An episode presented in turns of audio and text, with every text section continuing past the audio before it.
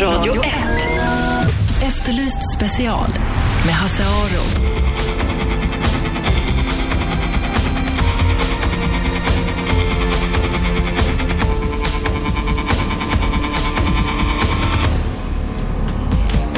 Ja, välkomna hit. Radio 1, 101,9 i Stockholm. Hassaro heter jag. Programmet heter Efterlyst special. Vi ska prata om lite allt möjligt idag. Vi ska bland annat prata om huliganer, tänkte jag. Därför har jag bjudit hit eh, en gäst, Rickard Slätt, kollega, kompis och eh, huligankramare.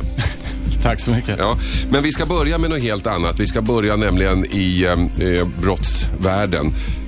Man kan ju lätt få intrycket att eh, det dödliga våldet eh, ökar. Det, och inte minst när man tittar på Efterlyst så, så får man ju det intrycket att allt fler människor mördas och det är ju konstiga brott också som vi hör talas om. Men faktum är att det dödliga våldet inte ökar. Tvärtom, det minskar, eller hur Sven Granat på Brottsförebyggande rådet? Ja, det stämmer det. Eh, om vi tittar sedan början av 90-talet så... Ja, det stämmer som sagt det. Så om vi tittar sedan början av 90-talet så har vi en eh, i princip kontinuerlig minskning fram till nu i uh, slutet av 2010-talet, eller början av 2010-talet. Mm. Och då pratar vi alltså om det dödliga våldet när folk slår ihjäl varandra helt enkelt? Vi pratar om Eller mord, på något sätt? Ja, vi pratar om mord, dråp och misshandel med vållande till annans död som Mm. har minskat med omkring, ja, drygt 25 procent på, på 20 år i förhållande till den befolkningsutveckling vi samtidigt har i Sverige. Ja, det, det, är- det är ganska mycket, 25 procent. Ja, det, det, det ja. Eh, och det är ju inte vanligt att, att man ser sådana minskningar eh, när man ska uppskatta brott. Finns det någon, det kanske inte du vet, men finns det någon annan brottslighet, brottstyp som så att säga minskar? Ja, jag vet att sen lite mer kuriosa, kuriosa typer av brott som förolämpning och eh, kanske ärekränkning, de har ju minskat ganska kraftigt i ett historiskt perspektiv. va. Men eh, ja, nej, så där på våldsbrott va, så är det ju svårt på rak arm att komma på. Mm. Hur många pratar vi om? Numera pratar vi om att vi, alltså, det är ni, ungefär 90 människor som tragiskt nog blir offer för sånt här per år i Sverige. Va? Och i början av 90-talet då när det här liksom toppade då va? så var det snitt 110 offer per år. Va? Och den här siffran, nu är det 90, 110 var det 90-talet, men det har legat ungefär där ganska länge, eller hur? Ja, den här, den här minskningen sker, sker ju liksom ganska så, så att säga, su- successivt och ganska långsamt ändå. Va? Så, så att, det är klart, men sen, men sen, kan, sen kan det hoppa upp och uppåt och neråt från, från ett år till ett annat. Mm. Men, men, men tendensen sen början av 90-talet i Sverige och liksom även i en del andra västeuropeiska länder är en, en nedåtgående trend helt enkelt. Mm. Positivt nog. Innan, innan den nedåtgående trenden började då på 90-talet, eh, hur såg det ut då? Var det, hade det stigit fram till dess eller var det konstant? Ja, ja, nej, vi har ju bevittnat en, en, en, en väldigt kraftig ökning egentligen, framförallt under 50, 60, 70-talen. Va? Mm. Eh, liksom i de flesta andra västeuropeiska länder. Va? Och, men det här då avstannade då någon gång i början på 90-talet då åtföljdes av, av, av en minskning. Va? Mm. Eh, så man säger egentligen i slutet av 80-talet va, i förhållande till hur stor befolkningen var så var det här, det var den riktigt våldsamma tiden va, totalt sett i Sverige. Mhm. Då har man ju då 10 000 kronors frågan, vad beror det här på? ja, vi forskare vi kan ju vara kanske bättre på att förklara ökningar va, med olika. Sen, sen Ja. har vi ju överraskats av, av, av, av en minskning. Va? Men jag skulle säga, för det första så har vi, ser vi då att dödligt våld mot barn, va? Där, där, där, det, det, min- det har närmare halverats sedan 90-talet. Va? Vi är mer vaksamma eh, mot hot mot barn, va? är mer uppmärksamma på barnmisshandel och kanske också mer uppmärksamma på föräldrar som har depression och psykisk sjukdom, vad samhället omgivning griper, skulle jag säga, in på ett annat sätt idag. Va? För det andra, och viktigt, det är ju att vi har en minskning i det alkoholrelaterade dödliga våldet. Eh, och det ligger faktiskt i linje lite med hur våran eh, alkoholkultur tycks hålla på att förändras de senaste, under de senaste 20 åren. Vi dricker förvisso mer, men starksprit och såna här, det allra mest intensiva drickandet är faktiskt enligt då tillgängliga uppgifter på, på reträtt. Mm. Även om det är viktigt att säga att väldigt mycket av det dödliga våldet i Sverige fortfarande är alkoholrelaterat Mm. så är det ändå där vi ser minskningen. Och det ligger liksom i linje vad vi vet om hur alkoholkonsumtionen förändras. Så att när man, när man spöar på varandra eller slår ihjäl varandra, då gör man det när man har druckit eh, starksprit alltså? Ja, starkspriten verkar ha, den har, alltså, naturligtvis så kan, det, så är, är, kan ju öl och vin också spela in sånt där. Men, men, men starkspriten verkar liksom extra farlig om man säger då. Mm. Och sen är det också en viss typ av starkspritkonsumtion. Alltså det som sker då väldigt intensivt, kanske inne i Eh, privatbostäder. Eh, där liksom ingen utomstående kan ingripa när det börjar, börjar spåra ur. Va? Och allra helst en konsumtion som utförs då av personer med sociala problem och eh, kriminell livsstil. Mm. Vi pratar alltså om dödligt våld här i Radio 101,9. Hasaro heter jag. Programmet heter Efterlyst special och jag pratar med eh, Sven Granat från Brottsförebyggande rådet. Vi pratar om att det dödliga våldet har minskat och vi har precis konstaterat att våld mot barn, eller dödligt våld mot barn minskar, men även i övrigt minskar det. Och det hänger ihop en del med alkohol. Vi dricker mindre ren sprit nu och mer finare sprit. Men eh, frågan är, har då våldet minskat i samma? Eller är det bara det att man, man dör inte? Ja, nu, nu har vi ju inte kunnat se tyvärr några motsvarande minskningar. när, när, när det gäller andra, så att säga, mer vanliga våldsbrott. Va? Eh, utan där, de indikatorer vi har va, så ligger det snarast konstant. Va? Det, är, det är ungefär lika många människor idag som för 20 år sedan som har erfarenhet av att slå en annan människa på käften, om man uttrycker så, mm. så enkelt. Va? Och ja, sjukhusen eh, tar ju hand om minst lika många allvarligt skadade av våld idag som, som tidigare. Mm. Kan det då vara så att man helt enkelt överlever mer idag? Eh, det kan definitivt vara en liten delförklaring. Eh, för vi vet ju när vi studerar de här fallen att vården faktiskt kommer ofta lite snabbare idag va? och det kan ju i vissa enskilda fall ha, ha betydelse. Eh, inte minst då just för det här alkoholrelaterade dödliga våldet som ja, eh, kan ske lite oplanerat och ibland på eh, offentlig plats där man har, har möjlighet att få hjälp. Va? Så att eh, en och annan idag så kan nog liksom ja, en och annan fler idag kan, kan överleva. Sen, sen ska man inte liksom, eh, ska man säga, hänga upp det för mycket på den här förklaringen. Nej. Men, du, men, du sa att det här, är en, det här är också en internationell trend. Det stämmer det. Det dödliga våldet minskar i, det hela västvärlden? Eh, det kan jag inte uttala mig om, men vi, vi, vi, ser det i alla fall i länder som Holland, Storbritannien, Finland och, och Tyskland. Mm. Eh, inget, inget unikt svenskt fenomen. Och där pratar man ju mycket om att vi kanske också håller på att få lite tillbaka till lite konservativare värderingar, vilket i Sverige då kan ha påverkat vårt sätt att dricka. I andra länder kan det här ha en annan typ av påverkan. Man mer, lite mer självkontroll, man ska sköta sig och hålla stilen. Mm. Hur ser, hur ser det, utvecklingen ut, eller hur ser det ut när det gäller antalet mord i Sverige? Hur ligger vi till jämfört med Finland och Holland då till exempel? Ja, det är en mycket bra fråga. Eh, I Sverige så har vi nu ungefär 0,9 offer per 100 000 invånare, vilket innebär ungefär samma nivå som eh, de nordvästeuropeiska grannländerna, alltså Danmark, Tyskland, eh, Storbritannien, Norge. Eh. Om man jämför med Finland, ett lite, lite speciellt exempel, för där har man med de östeuropeiska nivåerna, så där vi ligger lägre än Finland. Okay. Men vi ligger, vi ligger på liksom en, en, en ganska genomsnittlig västeuropeisk nivå, vilket i ett globalt perspektiv är väldigt lågt. Mm, mm. Så att Sverige, Sverige är inget, uh, sticker inte ut på något sätt? Nej, som sagt, i, i liksom, om vi tittar oss omkring hela världen så sticker vi ut som en mm. lågvåldsnation. Va? Men eh, med västeuropeiska mått, nej. Hur ser då det vanligaste mordet ut? Ja, det är fortfarande är ett knivdåd eh, som sker då mellan med en vuxen man som förövar, en vuxen man som offer. Mm.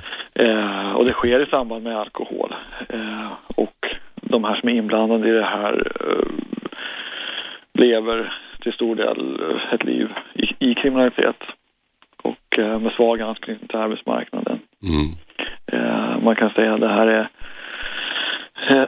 män de är ganska låg social status och små, små resurser. Men, mm. men, men det de har är ett våldskapital. Brynolf Wendt, min, min gamla kollega, brukar säga att det handlar om vem som hinner först i kniven. Eh, man sitter ja, två killar och, eller gubbar och super ja, och så blir man förbannad. och sen... det, det, precis, det, kan man säga, det är en ganska bra beskrivning på, på, ett, på ett av de typiska fallen av dödliga våld i Sverige. Sen ska man veta att en stor del av dödliga våld i Sverige är också sånt saker som sker inom ramen för nära relationer och konflikter inom familjer också. Mm. Det är liksom den, den, den, den andra typfallet. Va? Dels har de här, ja, de här männen där en hinner männen med, med alkohol och drogproblem där en hinner först i kniven. Och sen har du också eh, män ofta som spårar ur då i samband med eh, separationer, svartsjuka. Mm. Hur många av offren är män och hur många är kvinnor? Eh, av, det är ungefär en tredjedel av, en tredjedel av alla offer är kvinnor, eh, vilket innebär då en, ja, 20-30 kvinnor per år och två, två tredjedelar är män, vilket innebär då ett ja, 50-60-tal män per år. Mm. Och det är 90 ungefär nu nere på per år. Mm. Eh, hur många, vi pratar alltså om det dödliga våldet som har minskat. Jag pratar med Sven Granat från Brottsförebyggande rådet här i Radio 101,9. Programmet heter Efterlyst special. Det här morden, de här morden som tidningarna älskar att rapportera om, som det skrivs böcker om, romaner. Och, det vill säga de planerade, kallblodiga morden där man spanar, man lägger upp en plan, man genomför, man röjer undan kroppen och försöker komma undan. Hur vanligt är det? Ja, exakt. Så att säga, kallblod, alla, princip alla mord kan ju beskrivas som kallblod. Ja, men väldigt många som du beskriver dem är lite stundens ingivelse men, i hetta. Men, men om, vi, om, om, vi pratar om de så att säga lite mer rationella, välplanerade, så skulle jag säga att de utgör kanske 10 procent av, av alla mord. Mm. Eh, idag. Eh, nu kan vi faktiskt tråkigt nog se ökningar dels av de mord som sker inom ramen för vad vi kallar för kriminella konflikter mm. och dels de mord där man faktiskt eh, har lyckats röja undan kroppen. Så de, och det är ju väldigt svåruppklarade fall, så de här ja, morden de som i den meningen är mer välplanerade, det, det där, de, de har då en lite annan utveckling. Mm. Och där, där ser vi då tråkigt nog ökningar. Mm. Som inte kompenserar för de andra minskningarna i och för sig. Då. Men, men, från att ha utgjort en 5-6 procent så har de klättrat upp då till 10 procent. Och de alltså de morden där, där, där de här fyllemorden, de är ju oftast väldigt lätta att klara upp därför att mördaren finns ju kvar när man kommer. Och även om han eller hon uh, ja. inte kommer ihåg allting. Men ja, de här andra är ju svårare att klara upp och om de ökar, innebär det då att uppklarningsprocenten totalt sett sjunker? Om vi ser ett längre perspektiv jämfört med 90-talet, ja, då har uppklarningsprocenten sjunkit. Den var på, på 90-talet låg på närmare 87 procent, vilket är väldigt, väldigt högt. Eh, och sen har den åkt ner då nu på 2000-talet till en drygt 81-82 procent. Nu är den här utvecklingen inte linjär, som, som man säger med statistisk term, utan nu de allra senaste åren från 2006 och framåt så ser vi faktiskt en viss ökning igen av uppklaringen. Så att även om morden kanske då generellt har blivit lite svårare att klara upp så verkar kanske polisen ha blivit kunnat bemöta det här på. Mm. på, på De har blivit bättre helt enkelt. Man får tillgång till nya verktyg, alltså DNA-analys, eh, man börjar använda sen geografiska analyser. Eh, eh, så det, ja, nej, precis i takt, med, i takt med svårigheterna så har man också hittat hittat möjligheter. När du då började undersöka det dödliga våldet, förväntade du dig då att det skulle komma till den här slutsatsen att det faktiskt minskar i Sverige? Nej, man hör ju mycket framförallt att det, att det, ligger, att det är väldigt konstant. Alltså mm. man, man, eh, det var något som, man, som jag var förvånad över faktiskt, att minskningen verkligen var så tydlig och kontinuerlig. Och vi såg den oberoende av vilken källa vi tittar på. Alltså vi har jämfört dödsorsaksstatistik och samtidigt då eh, gått igenom alla fall som vi har fått in då via, via, via polisen. Och här talar siffrorna ett entydigt språk. Och, det, och inte minst man lägger på då den drygt 10-procentiga ökningen av befolkningen totalt som vi har i Sverige sedan 90-talet. Så, så, så får man då framför sig en tydlig nedåtgående trend, vilket ju ja, är väldigt positivt. Ja, det är det. Okej, tack så mycket Sven Granat från Brottsförebyggande rådet. Vi har pratat om att det dödliga våldet i Sverige minskar. Det är nere på 90 personer som dödas eh, i våld i Sverige i år och på 90-talet, början 90-talet var det ungefär 110, en 25% i minskning. Ni lyssnar på Radio 101,9, Sveriges nya pratradio. Vi är strax tillbaka och då ska vi prata huliganer. Radio 1. Efterlyst special med Hasse Aro.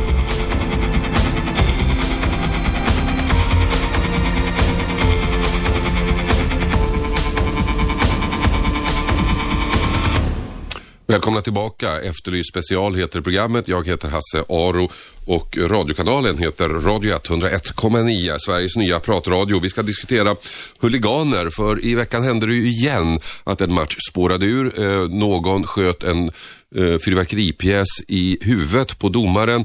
AIK Assyriska spelade och matchen fick avbrytas. Sen har det diskuterats eh, varifrån den här kom egentligen. Man trodde från början att det kom från AIK-klacken och nu finns det de som hävdar att den kom utifrån. Rickard Slätt har jag med mig, journalist, kollega. Vet du någonting om, har du kollat? Nej, alltså just... Vad vänta, du ska få upp mikrofonen. Ja, man tackar, man tackar. Ja. Nej, alltså den här biten eh, till att börja med så handlar det om klubbar som jag inte följer. Nej, men, kan, men om vi tar den här, den här fyrarkipjäsen, mm. är du uppdaterad på det? Om den? Ja, ja, absolut. Kom den utifrån eller? Ja, det, det, det man har sett nu senast är att Aftonbladet har fått loss någon film från eh, AIK-klacken på andra ja. sidan, eh, ser det ut som i alla fall från bilderna. Och där ser det ut som att den då ska komma utifrån arenan. Och det okay. finns ju en liten pikant del där åt, det är Svenska Fotbollförbundet som har godkänt den här arenan och sagt att den här är tillräckligt säker för att mm. utöva elitfotboll på. Och sen så är det egentligen utifrån som den kommer och då kan man inte bedöma den som så särskilt säker. Och då är frågan, och det har skojats en hel del om på forum, om det inte är Svenska Fotbollförbundet som ska förlora tre poäng eller någonting liknande i tabellen. Eller betala böter. Ja, precis. Vad ska man då göra? Oavsett om den här eh, raketen nu kom utifrån eller inte så, så, så eh, spelar det egentligen ingen roll för huliganismen, för den finns där ändå och kommer att finnas. Och är det någonting jag vet om idrott så är det att det kommer att komma en skandalmatch till snart och sen en till och sen en till. Så där kommer det att hålla på. Vad ska man göra åt huliganismen? Ni får gärna vara med och diskutera här 0200 11 12 13. Jag tycker då att man ska vara hård. Jag tycker att klubbarna ska få det fulla ansvaret. De ska betala det här. Då tror jag att klubbarna kommer hitta lösningen också.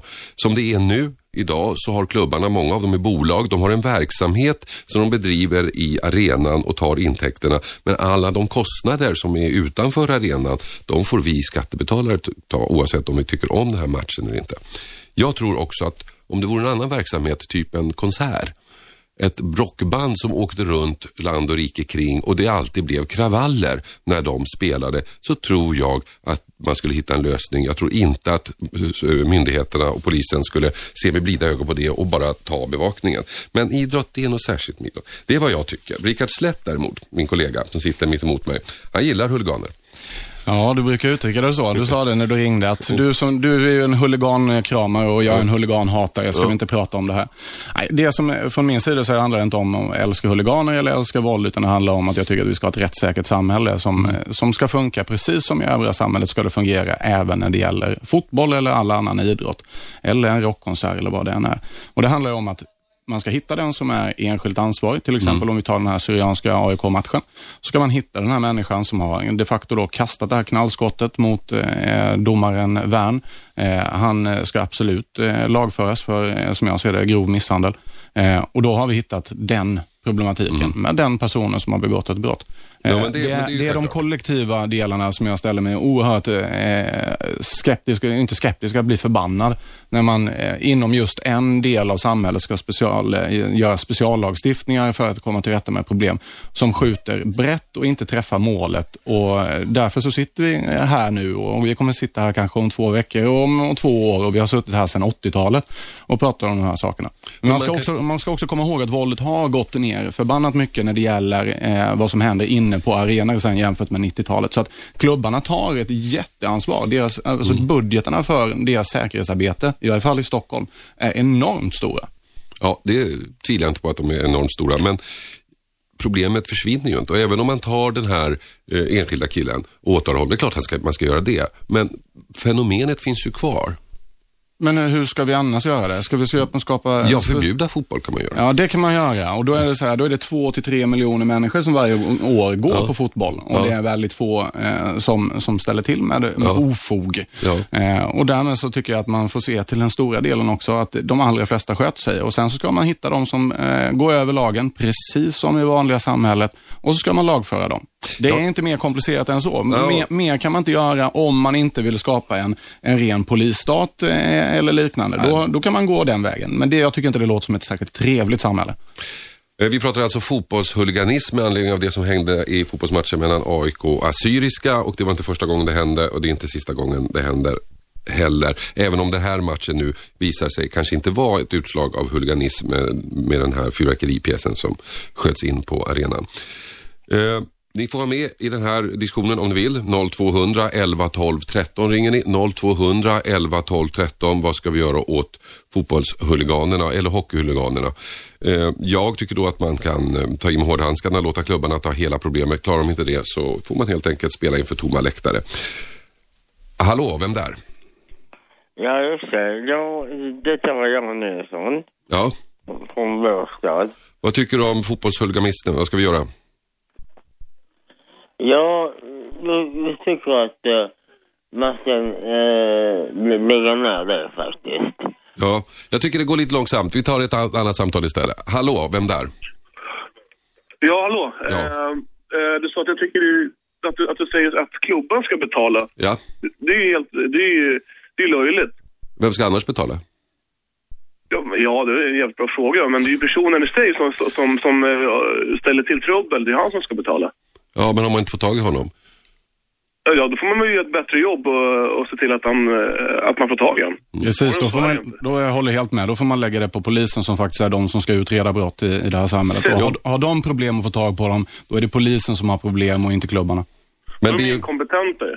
Ja, men det är, alltså, få tag i den här enskilda personen är ju en sak, men det här grupptrycket, den här alltså stämningen, när man står, eh, när de står hundratals människor och skriker, det är ju det som kostar, det är den bevakningen som kostar pengar. Men den är ju inte brottslig. Nej, Att man skriker. Det är, ju en, det är en härlig del, i varje fall vi tycker det. Jag det är kommer ihåg- precis det som är problemet, att det är inte Hasse, brottslig... Hasse, Ja. Hasse, brukar du kolla på idrott själv? Eh, jag brukar kolla på hockey. Jag, vet, vet du, jag tänkte, men det här är också annat, ja, det här är ett annat Ja, jag problem. Därför att när AIK gick upp nu, så tänkte jag nu ska jag börja gå på hockey igen. I första matchen så blev det upplopp. Och då tänkte jag, nej jag struntar i, jag struntar i det här. Ja, men- Och det är det problemet, vi, som, vi, vi törs inte gå längre. Nej, det är så larvigt och, alltså det är så töntigt att hålla på och säga sådär, att du inte vågar. Ja, men, Fan, vem, vem vill gå om man riskerar att få slå, slagen på käften? Vill man inte gå dit. Det, alltså det, hur, hur, hur länge sedan, alltså hur många gånger, eh, alltså det händer ju knappast. Nej. Det har hänt en gång nu i elitserien och derby där. Eh, Men alltså, det, alltså att börja liksom eh, säga att man inte vågar, det tycker jag är fjantigt. Mm, ja, det kan du tycka, men resultatet blir ju att vi som inte vill ha bråk, vi stannar hemma. Ja, det, är ju, då, då, då är du en sån här marginalsupporter som, som tycker det är skönt att sitta hemma och käka popcorn. Ja, det tycker jag. Om, om alternativet, men det är ju det. Ja, men om alternativet är att gå dit och få stryk, ja då tycker jag det är bättre att sitta hemma och käka popcorn. Men, men, men folk vill ju ha stämning. Ja, men stämning är en sak, huliganism är väl något annat. Det hänger väl inte ihop? men, huliga, men vad är huliganism? Att, att hålla i en bengal? Är man huligan då? Ja, det är en bra fråga. Vad tycker Rickard? Nej, jag tycker inte det. Det är en helt annan kulturdel som kallas för ultras eller tifosi eller vad man nu vill uttrycka det som. Eh, och det handlar inte om huliganism. Däremot så kan man väl säga att det, är ganska tydligt att eh, det med dagens regelverk och liknande är, är att beteckna som en form av brott, även om jag personligen tycker att eh, bengaler är bland det mest stämningshöjande som finns. Och frågan är så här. Ja, vi får... har det som i England, där det är helt tyst på läktarna nu för tiden.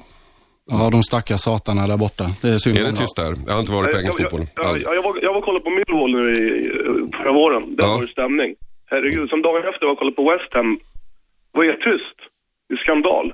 Du, jag måste tacka dig där. Vi måste avsluta. Vi ska gå vidare i programmet med lite reklam. Ni lyssnar alltså på Radio 101,9 Efterlyst special. Vi diskuterar ehm, huliganism. Vad ska vi göra åt huliganer? Jag tycker man kan eh, låta klubbarna ta hela ansvaret. Det tror jag skulle lösa problemet direkt.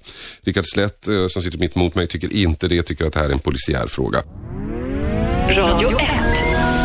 Efterlyst special med Hasse Aro.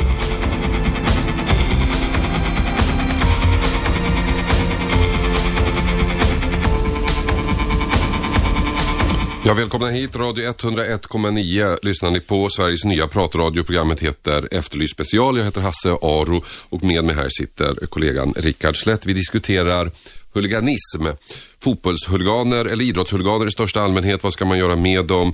Jag tycker då att man ska låta klubbarna ta hela ansvaret och hela kostnaden så kommer de att lösa problemet ganska fort. Eh, Rickard tycker att det är polisens sak att hitta de enskilda individer som bråkar och i övrigt är det inga problem om jag sammanfattar det hela rätt. Ja. Ska vi höra vad Erik säger? Hallå? Hej. Hej, vad tycker du? Ja, ja, jag håller nog med Rickard faktiskt. Ja, konstigt alla håller med Rickard idag. Nej, jag, jag, jag, jag har inte följt det här i Syrianska AIK. Jag är Hammarbyare själv. Ja. Ja, Trevligt, trevligt. eller hur? Jag, jag har följt eh, fotbollen sedan mitten av 70-talet. Och, ja, men du tycker inte att huliganismen är ett problem? det är ett problem, men jag tror inte klubbarna kan lösa det själva. Utan det, det, det måste kasta ut dräggen.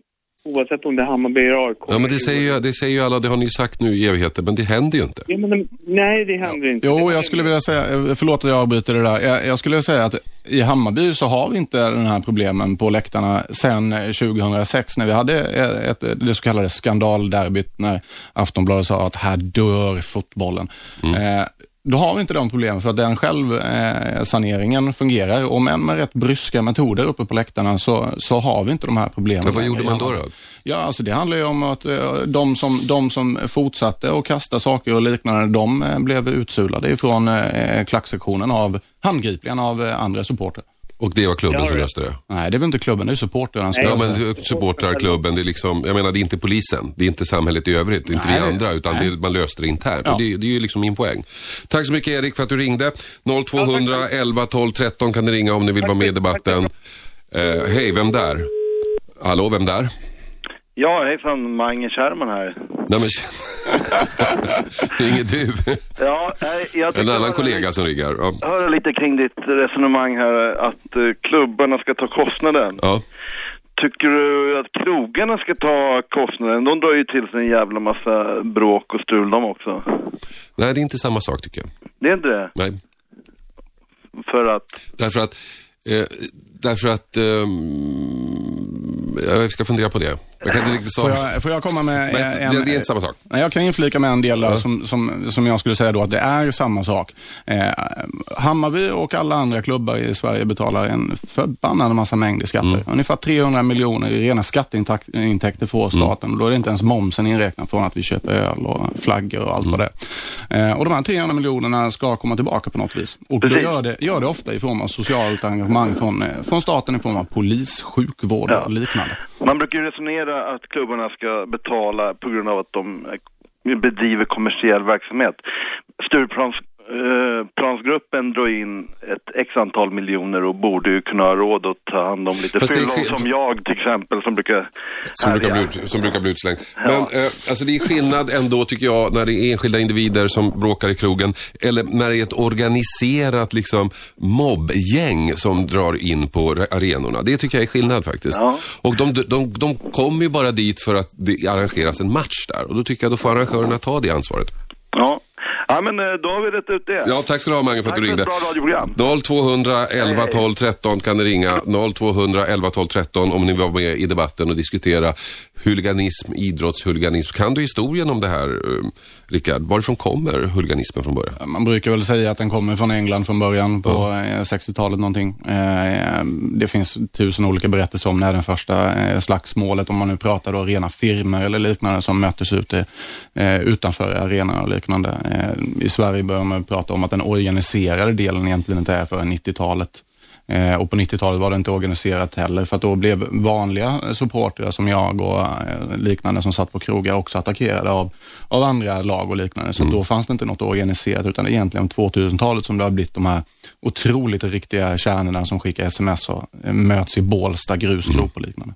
Det tycker jag är ett mindre problem faktiskt. Det tycker jag med. För att det är så Låt här- dem slåss där. Ja, men, lite, ja, men lite så. Självsanerat. Ja, och dessutom så finns det ju en del i, i, i brottsbalken som talar om samtyckesregeln. Att Ja. om vi kommer överens, jag, du och Hasse, att vi ska nita på varandra så har vi all rätt att göra det. Fram till, vi får inte gå över och sparka på den andra när det Nej. och liknande. Så att, jag, jag har också väldigt svårt att förstå varför. Men nu gör de det i Vasaparken hemma där jag bor. Det gillar jag ja, inte. det gillar du inte när, du- när du är utanför Nej. fönstret.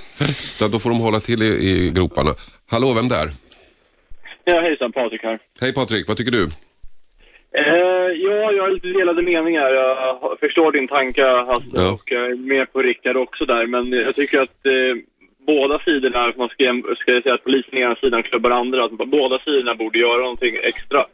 Klubbarna har på många ställen redan försökt, som Hammarby till exempel, rensa lite och sådana saker. Men lagstiftningen fattas ju också för att vissa klubbar ska kunna få stänga ute personer från arenorna. Det tycker jag är lite sorgligt att den, den lagstiftningen saknas. För det skulle underlätta mycket för till exempel AIK med Black Army-bakgrunden och eh, samma sak för Djurgården och för i hockey mot Linköpings hockeyklubb där. Ni lyssnar på Radio 1, 101,9, Sveriges nya pratradio. Vi diskuterar idrottshuliganism eh, och ni kan vara med i debatten. Ringa 0200 11 12 13 så får ni vara med. Hallå, vem där? Ja, tjena, David där. Hej David. Vad tycker du? Jag tror att den största anledningen till det här, det är ju alltså den, den nya vet typen av filmer och sådana där grejer. Att folk som inte är intresserade av fotboll blir intresserade av, själva- av själva kulturen, inte av sporten. Mm. Och att, att jag tror att, att, att media har nog ett jävla ansvar. För, för gör man en jävla rulle på tv som eh, ja, man skänker mycket pengar till om just den här scenen, om hur coolt det är. Jag tror att jävla många liksom kommer lockas till det. Du menar att det är våldskulturen i sig som liksom drar Ja, folk? alltså det är inte, alltså, det är inte fotbolls... Alltså, alltså numera är är det inte, inte fotbollsintresserade som slåss. Det är ju det är som, det är bara som bråkstakar generellt som kom på, oj shit, fot, nu är fotboll, här kan man slåss liksom. Mm. En ny scen. Tack ska du ha. Hallå, vem där? Ja, goddag. Jag är i debatten där du tänkte Ja. prata. Varsågod. Ja, Björn heter jag. Tjena. Hej.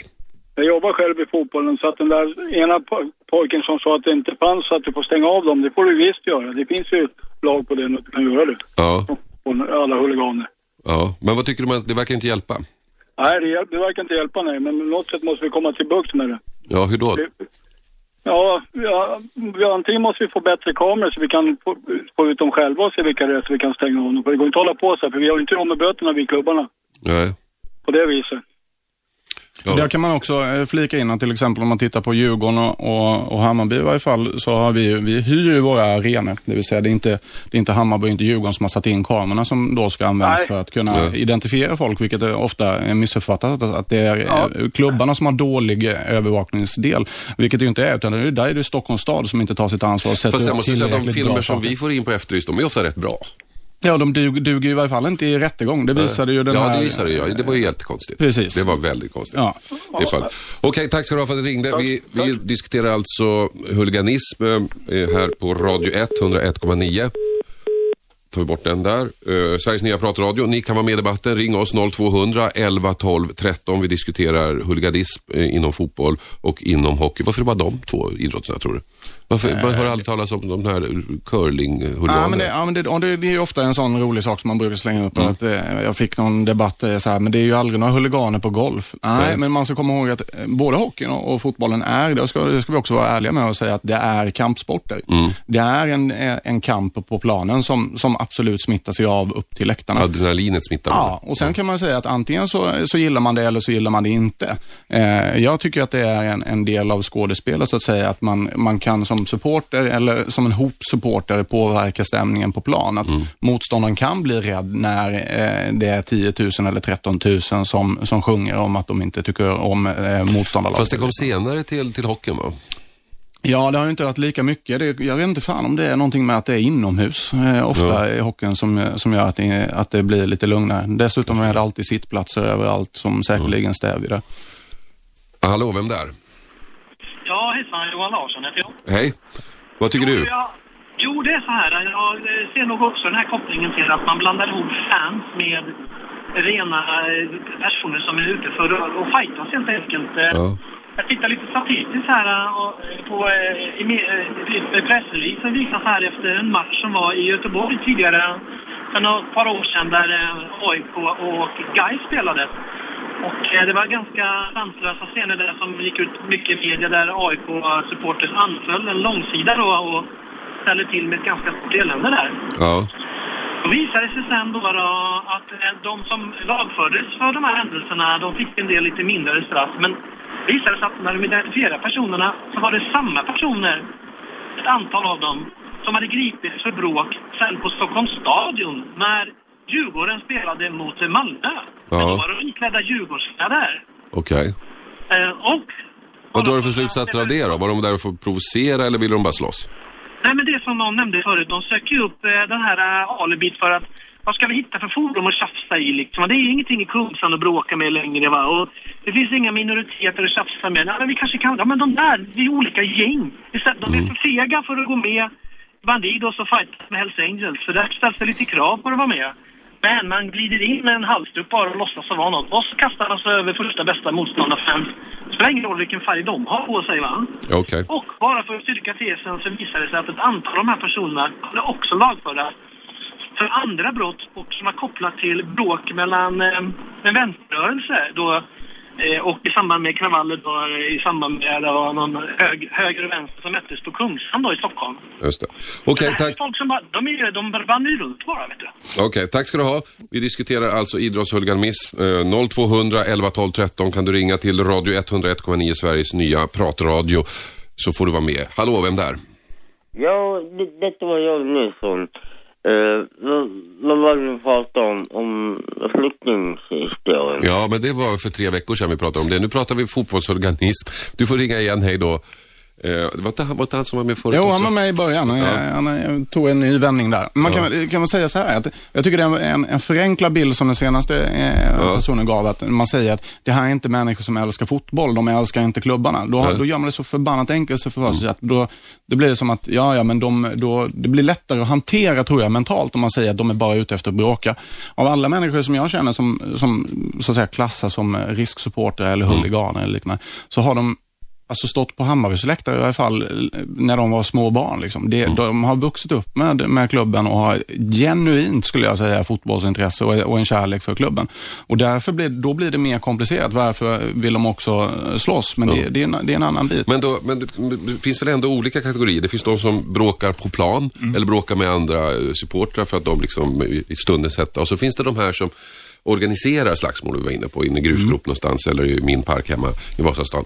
Eh, mm, och de vill ju bara slåss. Då, då, och då, då har det väl ingenting med fotboll att göra? Jo då. Måste, kan de inte bara slåss? Ja, det, Kan man göra en idrott av det kanske? De kan slåss på planen, före matchen. Ja, men det, det är det att om man, om man tror att det inte handlar om sport, alltså att det inte handlar om klubben, då gör man det så väldigt enkelt för sig och säger att då, då börjar man i nästa andetag dra upp att de har sociala problem hemma och de blev spöade som barn eller någonting. Och då gör man det så förbannat enkelt för sig istället för att förstå att det här faktiskt är en, en form av kulturyttring som, som sen då inte, inte gillas eh, av alla. Säger alltså Rickard Slätt, kollega till mig, som sitter med här och diskuterar idrottshuliganism i Radio 101,9, Sveriges nya pratradio. Ni kan vara med i debatten också. Ni får ringa in. Radio 1. Efterlyst special med Hasse Aro.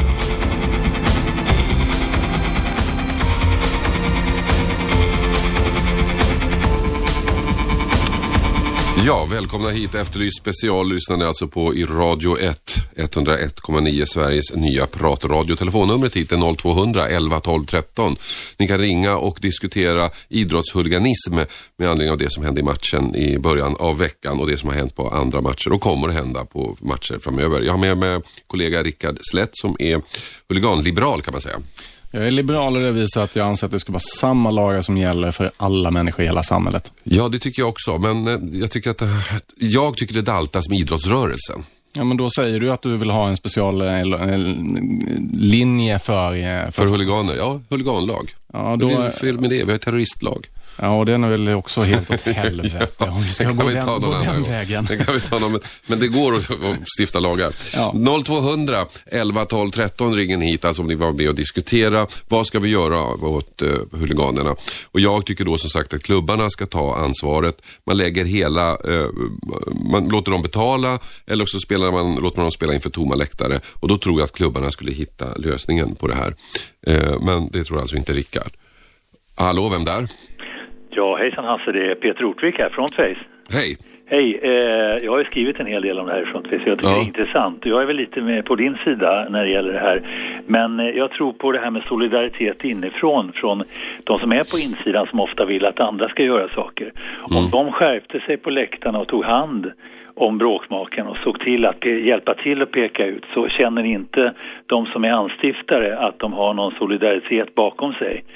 Och då skulle de krympa ihop och bli ganska små. Tror du det? Men det, är inte, men det är kanske inte så lätt att ställa sig upp mot det här gänget. De ser ju livsfarliga ut. Ja, men det, det, din bisittare bland annat där säger ju också så här att eh, de är ganska få eh, som, som strular och det är många som är, som är på den rätta sidan.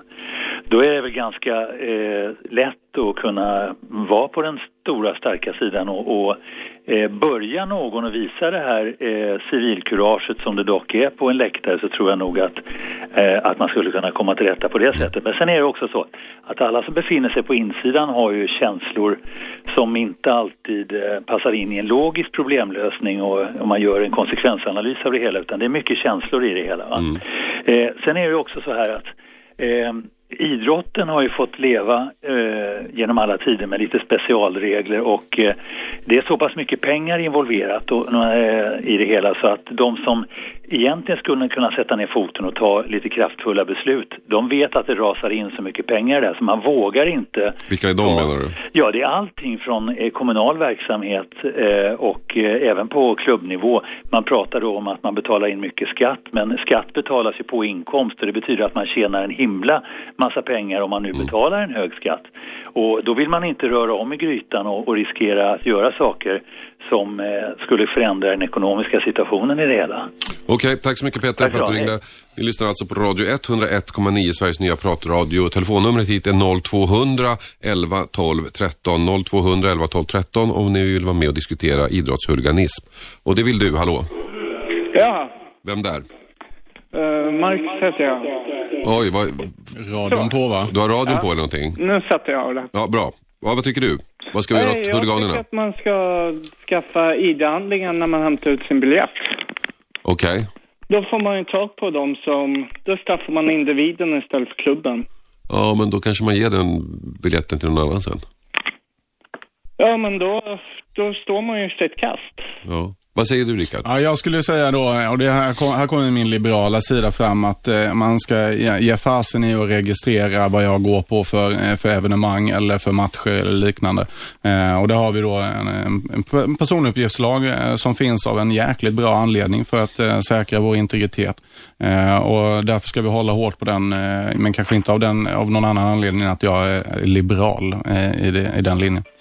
Skulle du tycka det var okej att, att visa lägg när du köpte biljetter? Absolut. Ja, jag kan nog hålla med Rickard lite grann där. Man ska nog kunna göra saker och ting här i samhället utan behöva legitimera sig hela tiden.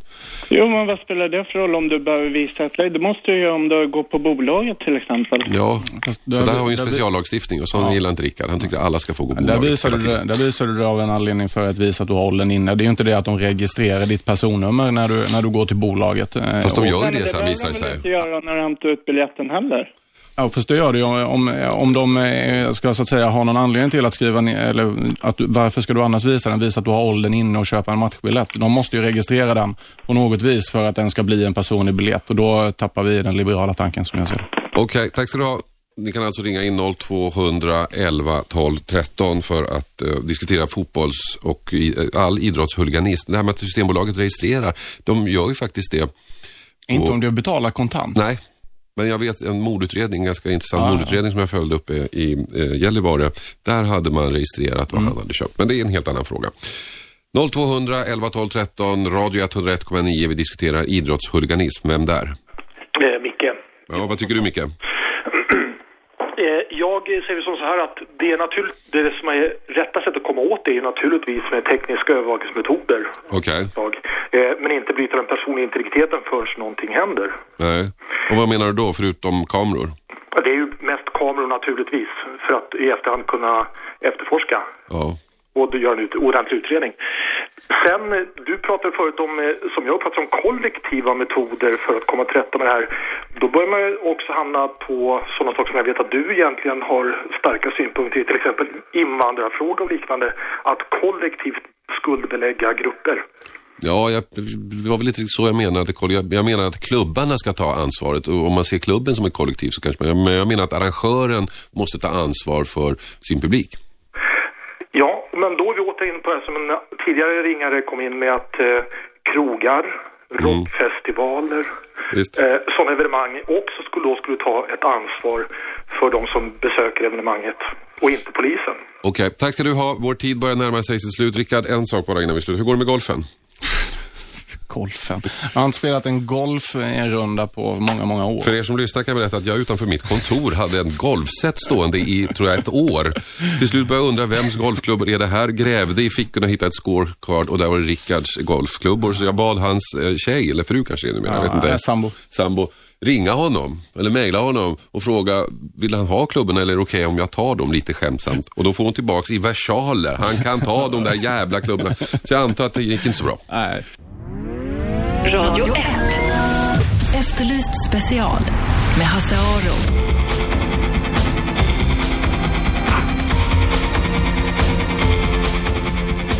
Välkomna hit. Ni lyssnar alltså på Efterlyst special, radio 101,9. I det här programmet så pratar vi ju om brott, kriminalitet, juridik och allt som har med det att göra i ganska vid mening.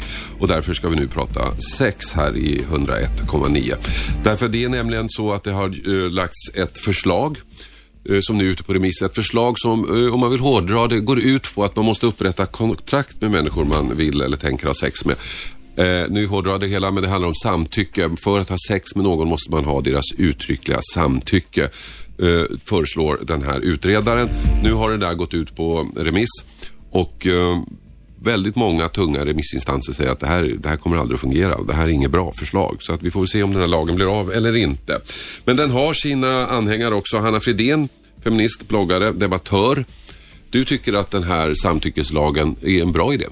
För det första så tycker jag att det är väldigt viktigt att skilja på samtyckeslagen och eh, förslaget om omvänd bevisbörda. Ja, Förslaget om omvänd bevisbörda. men det kan vi ta sen. Ja. Det är en annan sak. Nej, Vi det är det du pratar om faktiskt. Ja. För det är det som går ut på att man måste visa ett bevis på Ja. att ett samtycke har funnits. Ja, det är när, det blir, när det blir så att säga bråk. Ja, exakt. Om du och jag har sex med varandra och så Ja. hävdar du att det inte var frivilligt Mm. och, och, och då jag hävdar att jag har ditt samtycke, då någonstans måste jag ju visa att jag har det. Och det kallas för, och det är omvänd bevisbörda och det är ett annat förslag som Mm. inte hör till samtyckeslagstiftningen och tillhör en helt annan utredning och jag personligen anser att det här förslaget är rättsosäkert och Mm. Felaktigt. Mm. Däremot samtyckeslagen som går ut på att eh, eh, i dagsläget så är det ju så enligt svensk lag att eh, för att det ska vara ett sexuellt övergrepp, en, eh, en våldtäkt, så måste det förekomma våld eller eller fysiska restriktioner av något slag som gör det omöjligt för en, en part att visa upp ett motstånd vid ett ö- övergrepp. Eh, det här, eh, nu är det ju så att eh, jag tycker att en av de viktigaste sakerna med eh, lagar, det är att de är normbyggande. De utgår från moral och moral som vi tycker är rätt. Enligt den svenska staten och den lagstiftning vi har just nu så spelar det egentligen ingen roll om folk vill ha sex eller inte. Och ett nej gäller inte för att något ska räknas som ett övergrepp. Eh, samtyckeslagstiftningen som då är formulerad som sådan, att det antingen ska finnas ett skriftligt ja, ett muntligt ja eller att det enligt, enligt ömsesidig fysisk eh, ja, närmande, att, eh, att det också ska tolkas som ett ja. Mm. Så, så blir det ju så att ett nej är ett tydligt nekande och det blir ett övergrepp. Mm. Men ett ja, men då behöver man inte säga nej, men man måste säga ja alltså. Det är skillnaden. Nu måste eller, du så, säga nej. Då... eller om, eh, eller om eh, två personer ligger och mysar med varandra, de börjar smeka med varandra Mm. och de går, det blir också ett ja då, så Mm. det krävs Ja, inte ett muntligt ja. Nej, men det ska till ett ja i alla fall. Det är det som är skillnaden Mm. mot nu. Däremot så innebär det ju fortfarande inte att den som är åtalad för det, de måste ju fortfarande inte bevisa att, eh, att ett ja har skett. Eh, för att eh, omvänd bevisbörda, det är som sagt ett annat förslag. Det Mm. tillhör inte utredningen inom eh, samtyckeslagen och det är väldigt tråkigt att de här två sakerna Men, förväxlas. vad- men vad är det för skillnad då? Eh, Den stora skillnaden är ju att eh, omvänd bevisbörda är ju för det första Nej, men inte den, men, men, men på samtyckeslagen. Vad är det för skillnad på om du inte säger nej eller säger ja? Vad gör det för praktisk skillnad? Eh, Den praktiska skillnaden är ju egentligen så, lagar är normbyggande. Om alla människor i hela Sverige skulle bestämma sig för att jag vill inte följa lagen, jag skiter i allting, då skulle det ändå inte finnas någonting, något sätt för staten att få folk att följa lagen. Mm. Men däremot, eftersom att vi har lagar och regler, så när folk går in i butiker så tänker de inte, jag tar alla de här sakerna och lägger dem i min väska, för att vi vet att det är olagligt, vi går inte ut på stan och slår folk. Men De vi ligger väl inte med folk som inte vill heller, de flesta av oss. Ja, jag tror och hoppas att de flesta av oss inte gör det. Däremot så uppkommer det ju situationer där det tyvärr händer. Där det skapas mycket problematik. Ja, men det gör det ju, det gör det nu också. Så Ja. att. Att så att jag, jag personligen har lite svårt att se skillnad. Vad skulle det göra för skillnad? För vi hamnar i alla fall i ett läge där jag säger att ja, men du sa ja. Och du säger nej, det gjorde jag inte alls. Det finns ju väldigt många brott som är väldigt, väldigt svåra att bevisa. Framförallt Mm. alla brott inom stängda sovrum eller på platser där det Ja. finns eh, få människor i närheten, som oftast är fallet med den typen av sexuella övergrepp, är ju väldigt svåra att bevisa. I dagsläget så är det ju så att enbart 10% av anmälda våldtäkter går vidare till ett åtal och Mm. bara 3% av anmälda våldtäkter. Men skulle det här ändra på det tror du? Eh, det är inte säkert att det skulle ändra på det, men jag tycker inte att bara för att det är svårt att bevisa någonting, speciellt inte om man har provat det och ser hur det går. Jag tycker inte att det är ett argument för att man inte skaffar den lagen. Extremfallet är ju då att man har ett kontrakt. Man, Ja. har, skrivit på, man har skrivit ett kontrakt. Men det kan, det kan ju också vara en tvångshandling som har fått dig att skriva Du kan ju tvinga någon att skriva kontraktet. Jag tycker personligen att eh, samlagskontrakt, eh, som det brukar kallas, är ett totalt plattfall och eh, helt, helt galet. För Jag skissade på precis- sån på min blogg en gång, hur det skulle se ut. Det kan bli ganska kul. Och ska man ha så här rutor i vad man, för, förutom penetration, vad man i övrigt går med på. Och så måste det vara någon sån här klausul också som gör att man under resans gång kan ändra sig. Om, Ja. om det är lite trevligare än vad man tänkte sig. Ja, samlagskontrakt är ju bara konstigt. Då kommer vi, då kommer vi bara tillbaks till, eh, till, eh, till det läget där, där när man gifte sig så hade båda parterna rätt till en andras kropp och det kunde aldrig någonsin förekomma ett övergrepp. Så samlagskontrakt är jag absolut inte för på något sätt eller vis. Men, men, hem, men blir det inte där vi hamnar? Nej, jag tror faktiskt inte det. För att som du säger, det blir ju väldigt svårt att, eh, det blir ju svårt att bevisa om någon sa ja eller nej. Så jag har väldigt, väldigt svårt att se att vi skulle hamna där. Det är ju, det är ju precis som med allt annat. Jag menar misshandel exempelvis, det är ju olagligt, men eh, det finns ju fortfarande folk som håller på med BDSM utan någon som helst problem. Det blir inga rättsliga problem Ja, överhuvudtaget. Det blev det ju. Okej, det Men- blir ibland. Ja, det blir inom blev det allting. det. Men vi och det har var ju också, ett väldigt märkligt ärende tycker jag. eh, vilket av dem? Det har väl hänt ett antal den, gånger. Den unga kli- kvinnan som, som, där åklagaren drev ärendet mot hennes vilja. Ja, det var ju den här väldigt unga tjejen som hade ihop det med den här 30-åriga mannen. Just det. och eh, det var ju inte just BDSM som var fallet där, utan det var ju att hon är minderårig och eh, enligt lag så blir det ju ett eh, övergrepp Hon var ju inte minderårig. Jo, hon... Ja, hon, ja, så hon var inte myndig, men hon var ju 15. Ja, var hon verkligen det? Ja, jo, han Ja, blir okej. friad. Han blir Mm. friad. Therese Juel, Ja. jurist. Du har lyssnat på oss. Ja, det har jag gjort. Eh, vad säger du om den här samtyckeslagen som nu är på remiss och som eh, stöter på patrull hos remissinstanserna? Ja, alltså samtyckeslagen i sig tycker jag är väl ganska uddlös va. Mm. Därför att vi har ju redan en problematik när det gäller just våldtäktsmål. Eh, och då är det, jag, jag ska säga, då vänder jag mig framförallt till den grupp människor som blir utsatta för falska anklagelser, falska angivelser va. För att eh, jag har gjort så pass många djupgranskningar i alltså sekretessbelagda förundersökningar. Jag har fått lyssna på sekretessbelagda eh, alltså tingsrättsförhandlingar. Och det är ganska skrämmande när man tittar in i den världen för att här så slängs all form av juridisk metodik åt sidan och in träder någon form av eh, subjektiva bedömningar som vem är trovärdig? Mm, ja, men det är väl, ja. Ja, Fast det, det är väl inte så konstigt? Vad sa du? Det är väl inte så konstigt? Ja, det är inte så konstigt, men jag säger så att trovärdighetsbegreppet ska inte finnas i rättssalar, för där pratar vi faktiskt om fakta. Det står Ja. att målsägaren har, vid en fällande dom kan det stå att målsäganden har eh, var, lämnat ett trovärdigt intryck och lämnat tillförlitliga uppgifter, men man har inte kontrollerat uppgifterna. Och eh, ska vi då dessutom komma in här med någon form av samtyckesform i det hela? Vi har redan en problematik i de här målen och då känner jag som att Eh, det finns så mycket enögda utredningar där åklagaren del tyvärr lämnar objektiviteten åt sidan. Då kan man tänka sig att då kan man putta in, men vad fanns det samtycke till det här samlaget? Och har man då en falsk an- angivelse till exempel så säger nej det fanns inget samtycke. Ja men då får man ytterligare eld på brasan att här har det förekommit någon form av brott va. Eh, det här är, jag skulle vilja backa tillbaka till att vi måste alltså rätta upp den här, eh, hela den här rättskedjan när det gäller våra våldtäktsmål. Eh, för det är ju så att en, eh, när man är inne i en huvudförhandling så en målsägande hörs ju inte under ed. Men du Hanna, då, eller Therese, eh, eh, då, om jag förstår dig rätt, alltså, Hanna menar ju att, att det är väldigt få åtal som, eller, eh, våldtäkt som går till åtal och ännu färre som fälls. Men det är du, ingenting som säger att de som går till åtal, att det, att det är bekräftat. Alltså, nej, men du menar problemet är att, det- att, det- att folk döms oskyldigt alltså? Ja, det finns. Vad säger du Hanna? Och jag kan Det finns säga- väl och det- folk och det som har- döms. Det jag, det jag har att säga så här, för det är ju, problemet med det här tycker jag, det är ju det att man ständigt blandar ihop rättstryggheten med rättssäkerheten. Mm. Och jag ska säga att rättstrygghet för brottsoffer, rättstryggheten för våldtagna kvinnor, vad de har varit utsatta för, det trauman de har varit utsatta för, det är otroligt viktigt att den fungerar. Hur de blir mo- mottagna när de kommer till polisstationen, att de Mm. blir undersökta av en kvinnlig gynekolog. Men då är det rättstrygghet. Jag pratar om rättssäkerhet. Och Men- då har vi en helt annan pro- problematik. Ja, vi ska lyssna. Anna, Anna, Hanna, vad säger du om det här? Men Therese, alltså det, det, det är ju så i nuläget att eh, år, år, eh, år 2009, då var det omkring 6 000 eh, våldtäkter anmälda i Sverige. 10 procent av dem gick vidare till åtal. Enbart 3 procent av de anmälda våldtäkterna resulterade i domar. Jag får inte riktigt ihop det här med att eh, med, med, med att man eh, straffar en massa anmälda personer med att, med att de döms väldigt godtyckligt. Jag, jag kan inte få ihop det med siffrorna. För att, skulle det inte vara då så att eh, närmare kring kanske 80 eller 90 procent av de som faktiskt gick till åtal dömdes?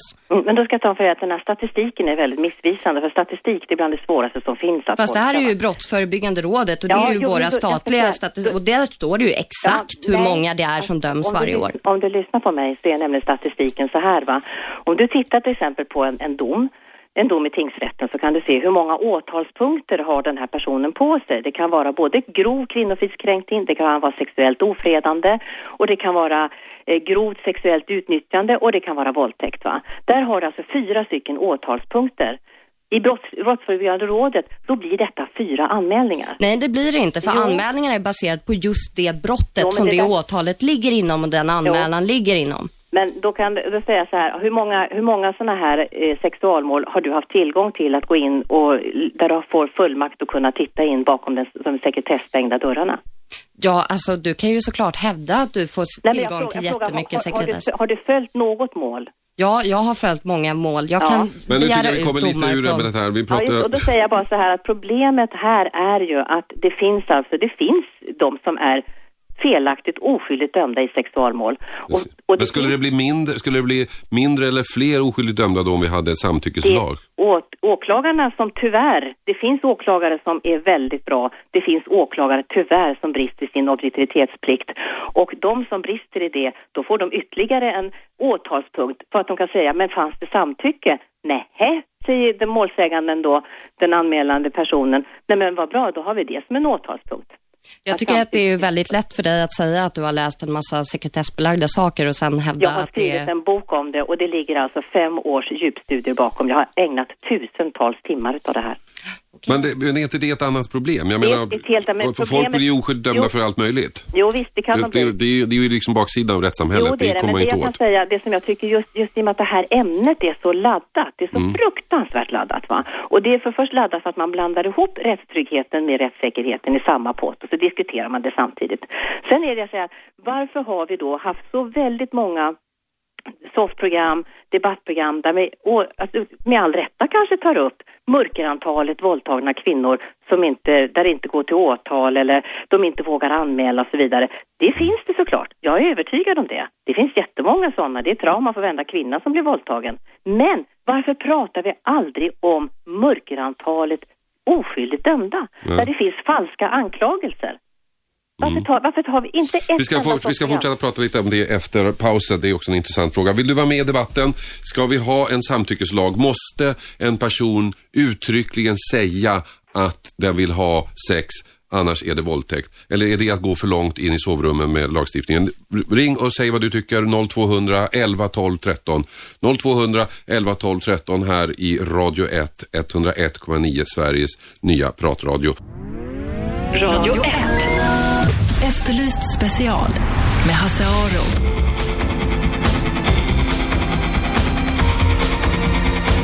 Ja, välkomna tillbaka. Hasse Aro heter jag. Programmet heter Efterlyst special. Radio 1, 101,9 Sveriges nya pratradio. Vi diskuterar sex här i det här programmet, eller sex är lag. Jag har med mig eh, Hanna Fridén som menar att det är alldeles för svårt att bli dömd för våldtäkt i Sverige och ett samtyckeslag skulle kanske ändra på det här. Vi har med Therese Juel på telefon som menar att det är för lätt att bli oskyldigt dömd för våldtäkt i Sverige. Och eh, en samtyckeslag skulle göra det ännu lättare och därmed hota rättssäkerheten. Tolkar jag det rätt där, Therese? Ja, det gör det. Och ni som lyssnar kan vara med 0200 11 12 13. Behöver vi en samtyckeslag som alltså innebär att den man vill ha sex med uttryckligen måste ge sitt samtycke, annars är det en våldtäkt. Idag så måste personen uttryckligen säga nej för att det ska räknas som våldtäkt. 0200 11 12 13. Hallå, vem där? Ja, hejsan Johan heter jag. Hej Johan, vad tycker du? Jo, alltså jag har en konkret skarp grej om det här. Det var så att eh, för en tid sedan så var jag på en, eh, en liten festställning och där träffade jag på en eh, gammal före detta ex då, så att säga. Ja. Och då hamnade vi i läget att eh, vi hade väldigt trevligt men jag kände en ganska stor ol- olust till alltihopa och var där. Men hon var väldigt kärlekskrank och tänkte på gamla tider och så vidare. Ja. Det ena ledde till det andra då, då och, eh, men eh, under tiden och faktiskt efter och en tid efter så har jag känt olustkänslor för det där och kom på mig själv att jag uttryckte lite grann i form av att eh, ah, jag vet inte riktigt om det här är någonting och, men som sagt, det fortgick och då är min fråga skulle jag kunna använda samtyckeslagen och vända den mot henne? Och var är i så fall oddsen? Är det 0,00001? Ja, nu har vi inte, samtyckeslag, nu har vi inte samtyckeslagen än, men om den Men fanns. om den skulle- Ja, vad säger Therese? Ja, ur genusperspektiv kan jag säga att, att eh, där har ju kvinnan, alltså överlag i det här, i det här liksom, har hon företräde på något sätt. Där har mannen väldigt svårt att hävda sig. Därför att eh, mannen är ju så att säga sammantaget, det är han som är den sexuella pådrivande personen. Det är hans, mannens sexualitet. Kvinnorna framställs ju oftast i de här sammanhangen som väldigt jungfruliga och har bara sex när det ska avlas barn.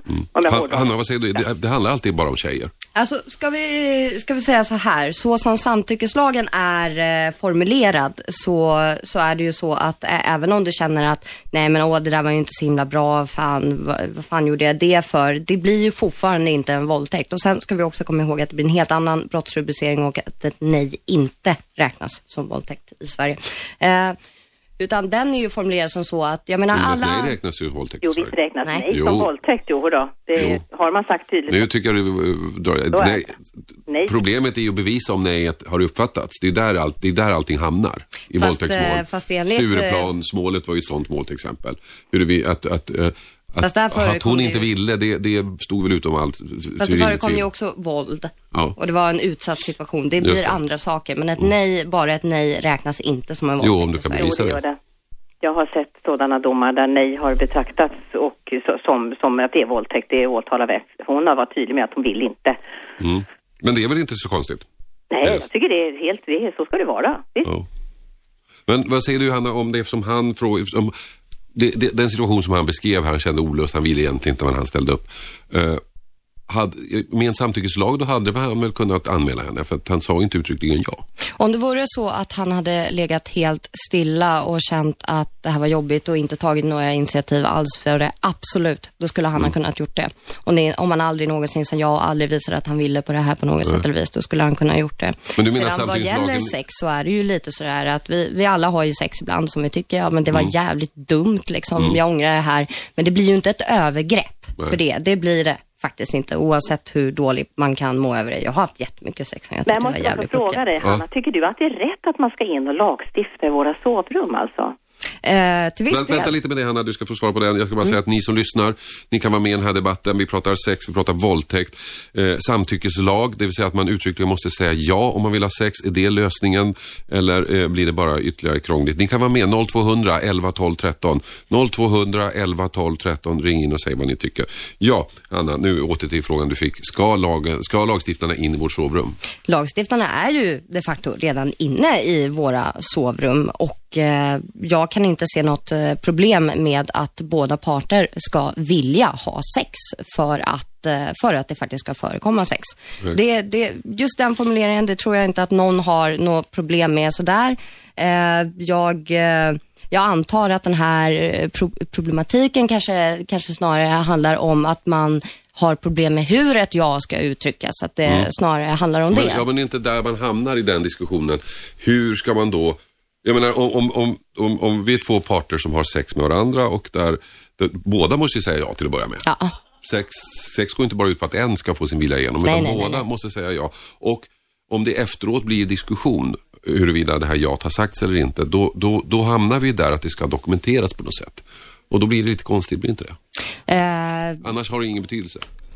Det kan man ju säga om man vill, men jag tycker ju framförallt fortfarande att en lag framförallt finns till för att den är normbyggande. Mm. Den får oss att eh, följa vissa regler, den får oss att tänka vad är rätt och fel? Vad är rätt att göra mot andra människor? Eh, och eh, det tycker jag är det absolut viktigaste med hela lagen. Sedan klart att det, en sån sak skulle vara jättesvår att bevisa. Det enda tillfälle, enda sätt jag kan tänka mig att det skulle gå att bevisa är ju med filmkameror. Det hoppas jag ju verkligen inte att folk känner att de kommer, måste behöva. Men det tror inte jag kommer vara ett behov heller. 0211 12 13 kan ni ringa om ni vill vara med i debatten. Hallå, vem där? Hallå, Tom Alin här. Ja, Hejsan, hejsan. vad tycker du? Eh, jag tänkte bara påpeka det här med som, eh, vad var hon hette, Hanna var det va? Eller? Hanna, ja. Mm. Hanna, precis. Hanna, jag tror att du har fått det där lite inom bakfoten. Det, det är inte politiken som genom lagar ska berätta för oss medborgare vad som är eh, normen och vad som är moraliskt rätt. Utan det är vi medborgare som har en för, ja, vi tycker att, vi tycker en speciell, någonting specifikt om en moralfråga och därefter bildas lagarna. Jag menar politikerna ska inte hålla på och bilda en massa lagar som ska styra om och, och förändra opinionen liksom eh, för det här. Jag tror, jag tror att det är väldigt få personer som, ja, ja, det där hänger ju väldigt ofta ihop, att det uttrycks en önskan från folket och sedan börjar man arbeta med det från eh, politiskt håll. Och även politiker, ska vi komma ihåg, är ju helt vanliga människor faktiskt, Självklart. även om det är svårt att... eh, Nej, nej, självfallet. Men jag förstår, alltså jag vet inte riktigt om, Hasse har ju frågat det några gånger nu, men jag vet inte riktigt det här, just det här med, vad, alltså själva skillnaden med det här, det, jag, jag förstår liksom inte riktigt vad det är för någonting som skulle bli skillnaden. Du säger dels att om, om tjejen, eller om nu killen, om det skulle vara ett omvänt fall då, då eh, man är med på det lite grann, lite sådär, alltså det blir ju, ja, då kommer ju till det som precis Hasse sa, då måste man ju till slutändan ändå hamna, hamna någonstans. Det är ju bevisbördan där problematiken i hela ligger. Ja, alltså det kommer bli jättesvårt att bevisa. Men när man säger att man måste ha någon typ av kontrakt eller måste filma då, då pratar vi om omvänd bevisbörda. Och omvänd bevisbörda, det är ju någonting som är helt fel. Och det, det, skulle, det anser jag skulle vara ett väldigt stort hot mot Jag kan, väl, jag rättssäkerheten. kan väl inflika att den omvända bevisbördan finns redan i de här sexualmålen då den misstänkte eller tilltalade mannen alltså måste bevisa sin oskuld. En styvpappa som till exempel är anklagad av sin styvdotter att han ska ha gjort någonting med henne och han befinner sig på en, på en, en ö på arbete tio mil från hemmet så räcker inte det utan han måste bevisa att han har varit på den ön. Det är inte bara att han sitter tyst i rätt. Det det finns om, omvänd bevisbörda i det här. Men problemet i det här är ju faktiskt att vi vi använder idag, eh, vi, när vi pratar om bevis så pratar vi liksom kanske om teknisk bevisning men i Sverige tillämpar vi också någonting som heter hörsägenbevisning vilket räcker med att den här kvinnan, flickan, tjejen säger till sin kamrat att jag vill inte och så har den kamraten hört det. Sån bevisning räcker idag. Men Therese, eh, eh, eh, vi måste stanna där ett litet ögonblick. Ni lyssnar på Radio 101,9, Sveriges nya pratradio. Vi pratar sexuallag, vi pratar samtyckeslag. Ni får gärna ringa in om ni har åsikter 0200 11 12 13. Radio 1. Efterlyst special med Hasse Aro.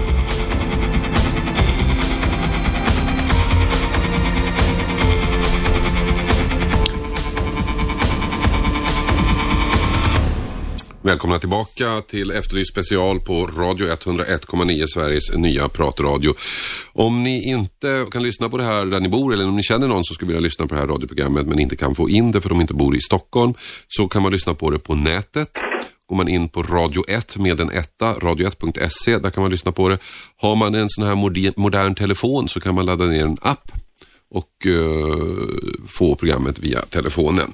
Vi diskuterar sex och sexlagstiftning um, med anledning av uh, förslaget om samtyckeslag, det vill säga att man måste uttryckligen ge sitt samtycke för att få ha sex och uh, båda parterna måste rimligen göra detta. Annars så är det våldtäkt. Det här förslaget har gått ut på remiss till olika instanser och de flesta tycker att det är ett dåligt förslag så vi får se om den här lagen blir verklighet.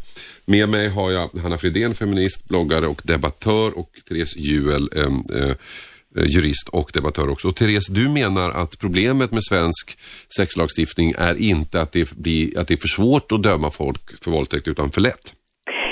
Jag, ska inte säga att det är för lätt eller för svårt, för varje va- fall är ju unikt. Men du menar att det finns många oskyldigt dömda? Ja, det finns en hel del, för då ska vi också ta in det här ordet, att det ska, en dom ska ju vara ställd bortom rimligt tvivel, va? Och vad lägger vi i rimligt och tvivel? Vad ligger där igen? Ska det vara 60 procents bevisning? Ska det vara 95 procents bevisning? Vad lägger vi där någonstans? Och det där är ju problem bland juristerna liksom. Men det där problemet har man i alla, i alla mål. Det är ju inte bara sex mål. Men vad gör man då när vi har bara trovärdighets, när vi har tro, trovärdighetsrekvisitet till bara att titta på? Vem utav dessa två är trovärdiga? Och eh, det ska ju vara ställt bortom rimliga tvivel. Och problemet är ju här att när vi till exempel pratar samtyckeslag, då kanske vi har det i liksom samtyckte vi igår eller hur var det i förrgår. Men här kan det ju komma människor och göra anmälningar om någonting som har skett alltså flera år bakåt i tiden. Va? Och hur, hur är det då med samtycke? Vad var det samtycke med? Då kan ju, om, samtycket, om samtyckeslagen skulle gälla, då kan den bli väldigt, så att säga, vansklig med tanke på för åklagaren då som driver förundersökningen som leder förhöret med målsägande säger, men samtyckte du? Då säger hon, nej det gjorde jag inte, säger hon. Ja, men hur, hur, hur behandlar man det när det har gått tre år? Therese, jag har en fråga här. Eh, eh, 2005, då var det ju en, eh, en reform inom sexbrottslagstiftningen. Det kom 2006 kom ju den lagen då. Ja. Eh, och eh, då, är, då var det ju så som eh, du mycket riktigt säger att ord mot ord ställdes mot varandra och eh, man bedömde trovärdighet var, bara rakt av och, eh, och eh, målsäganden, det, det, det, fanns väl till och med, det fanns väl till och med en praxis ett tag att man skulle eh, i regel ge mer trovärdighet åt målsäganden i målet. Ja, det är ett gammalt prejudikat från 92 faktiskt som gällde. Men- fram till, 90, till 2009 tror jag faktiskt. Men i senare halvan av 2008 så slog ju Högsta domstolen fast att det här inte var riktigt och man började häva upp domar där folk hade dömts på det här viset. Man har inte hävt upp, så- många har inte fått resning i det här, men det var väl framförallt två prejudikat, eller två stycken prövningstillstånd som blev friande, som blev lite prejudikat i domaren där. Och det var framförallt att det krävs stödbevisning då, va? Mm. I mål. Det krävs inte bara att man har ord mot ord, utan det måste vara ett stödbevisning. Och det är där vi har problemet nu, det med att det räcker med att jag har talat om det för en väninna. Då kommer hon in som hörsägenvittne då i det hela. Hon har hört mig berätta det. Och i och med att hon har hört mig berätta så kan hon bekräfta det jag har sagt. Men Det frågan, är, sam, frågan kvarstår ju, är det hon har berättat för det här vittnet, är det sant? Ni lyssnar på Radio 101,9, Sveriges nya pratradio. Vi diskuterar sexlagstiftning med anledning av förslaget om samtyckeslag som nu är ute på remiss och eh, där många säger att det här är inget bra. Ni kan vara med 0200 11 12 13. 0200 11 12 13 är telefonnumret ni kan ringa in. Therese, du säger att det finns eh, män som är oskyldigt dömda för våldtäkt. Vad du säger då är ju också att, att eh, det finns kvinnor som anmäler män falskeligen. Ja, det finns det. Tyvärr finns det det. Och det finns eh, en hel rad av anledningar varför de gör det. Eh, och...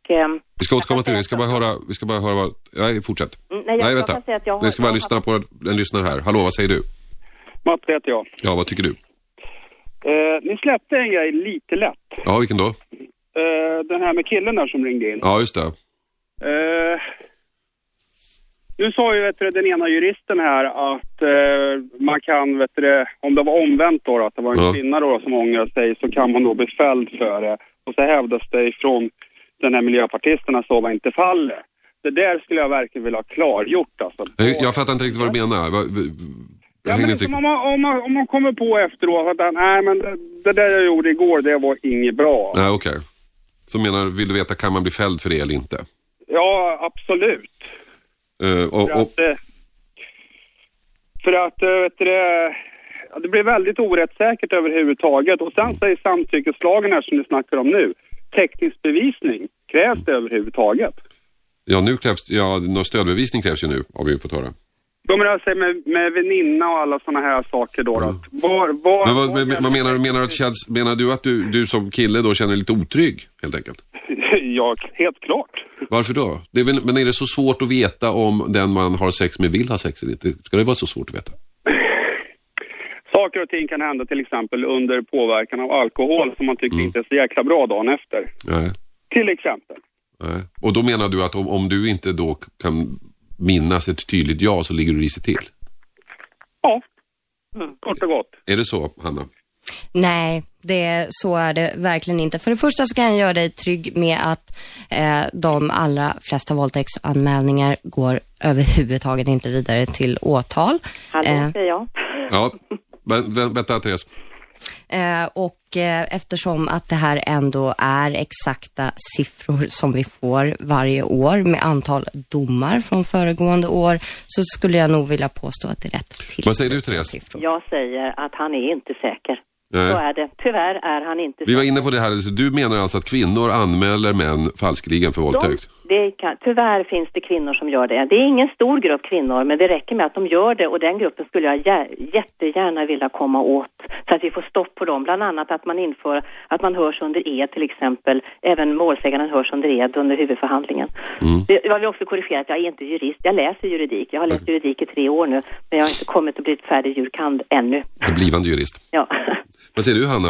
Händer det att kvinnor falskeligen anmäler män för våldtäkt? Jag tror att det finns människor som falskanmäler i precis alla, alla områden och det är en tråkig händelse. Det är svårt att komma ifrån. Givetvis så är det viktigt att vi har en god rättssäkerhet som kan ta tillvara på det här. Men jag tycker att det är fel att argumentera mot en lag för att det finns människor som falskanmäler och jag tycker också att det är fel att gå omkring och vara rädd för att ha sex för det. Ni lyssnar på Radio 101,9, Sveriges nya pratradio. Ni kan vara med i debatten. Ring in 0200 11 12 13. Vi diskuterar sexuallagstiftning. Men Hanna, faktum kvarstår väl ändå att just sexuallagstiftning är lite på modet just nu och att domstolar tar intryck av det. Tror du inte det? Eh, alltså, som, eh, som en kille som ringde in tidigare mycket klokt sa, att eh, politikernas uppdrag är ju ändå att höra vad folket tycker. Det har varit väldigt, väldigt mycket åsikter. Många vill prata om sex överhuvudtaget, sexuallagstiftning och eh, även roligare, lättsammare saker in i sex.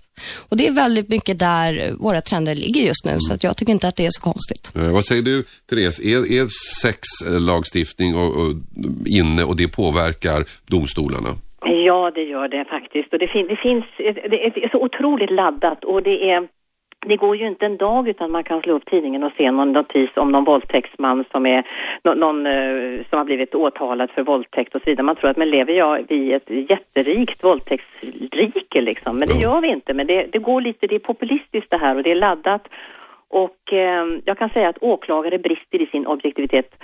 När de, för de, de tar inte tillvara det som till, ligger till den här tilltalade misstänkte mannens fördel. Det är lätthet och när det, man kan hitta saker i slasken som man undrar, men hur hamnar det här? Ni lyssnar alltså på Radio 1. Vi diskuterar sexuallagstiftning och hallå, vem där? Vem försvann? Uh, men när, när, Therese, alltså, som ligger i slasken, varför, varför skulle, vad skulle motivet då vara att, att, att ta lättare på den här typen av brott? Vad skulle motivet vara att liksom ha lättare bevisbörda i just sexualbrott? Ja, bevisbördan ska inte vara lättare, den ska vara jättesvår. Men du hävdar att, det, att, det, att, det, att du har Ja, stött man- på man- det. Vad skulle, då, vad skulle motivet i detta vara?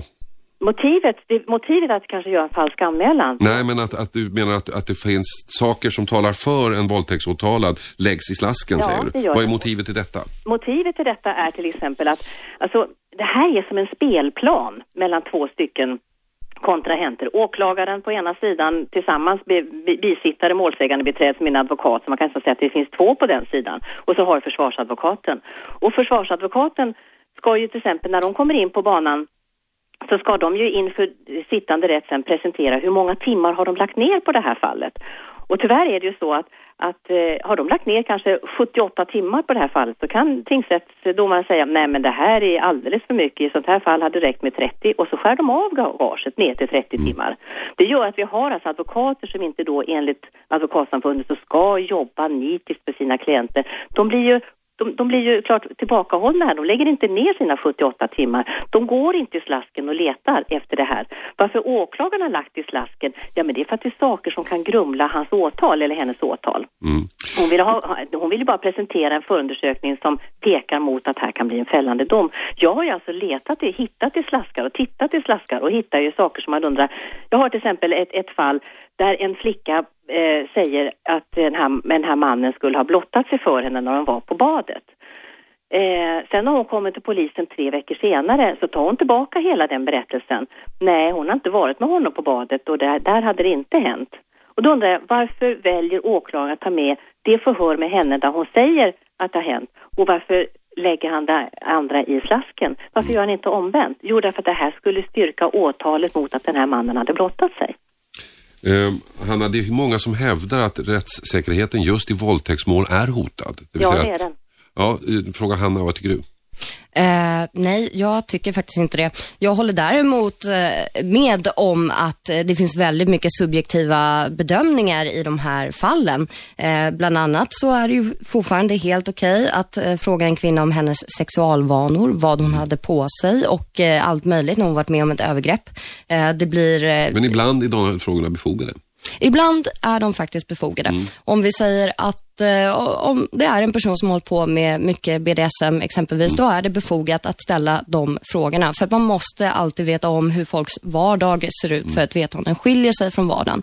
Så i vissa Men jag fall så ihåg är det här Tum, befogat. Tumba-fallet för många år sedan. Jag vet inte om du kommer ihåg det där, där en kvinna Eh, hade gruppsex med några män och sen bjöd de in halva kvarteret och sen spår spårade allting ut. Men där frågade de henne om inte hon hade haft gruppsex med just de här två männen förut och då menade många att det var en kränkande fråga. Men jag menar att den var befogad därför att det låg ju i sakens natur kunde de här männen tro att hon ville? Hade hon gjort det förut så, så fanns det väl en chans att hon trodde det. Och där kan ju frågan vara befogad. I det fallet kan jag tycka att eh, frågan är befogad. Jag kan däremot tycka att det är mindre befogat att man ställer frågor och beskriver vilken klädsel kvinnor har när ett övergrepp sker. Det tycker jag inte är befogat. Tack så mycket Hanna Fridén eh, som eh, har varit med och diskuterat sexuallagstiftning. Tack så mycket Therese eh, för att du var med också på telefon och diskuterade detta. Radio 1. Efterlyst special med Hasse Aro.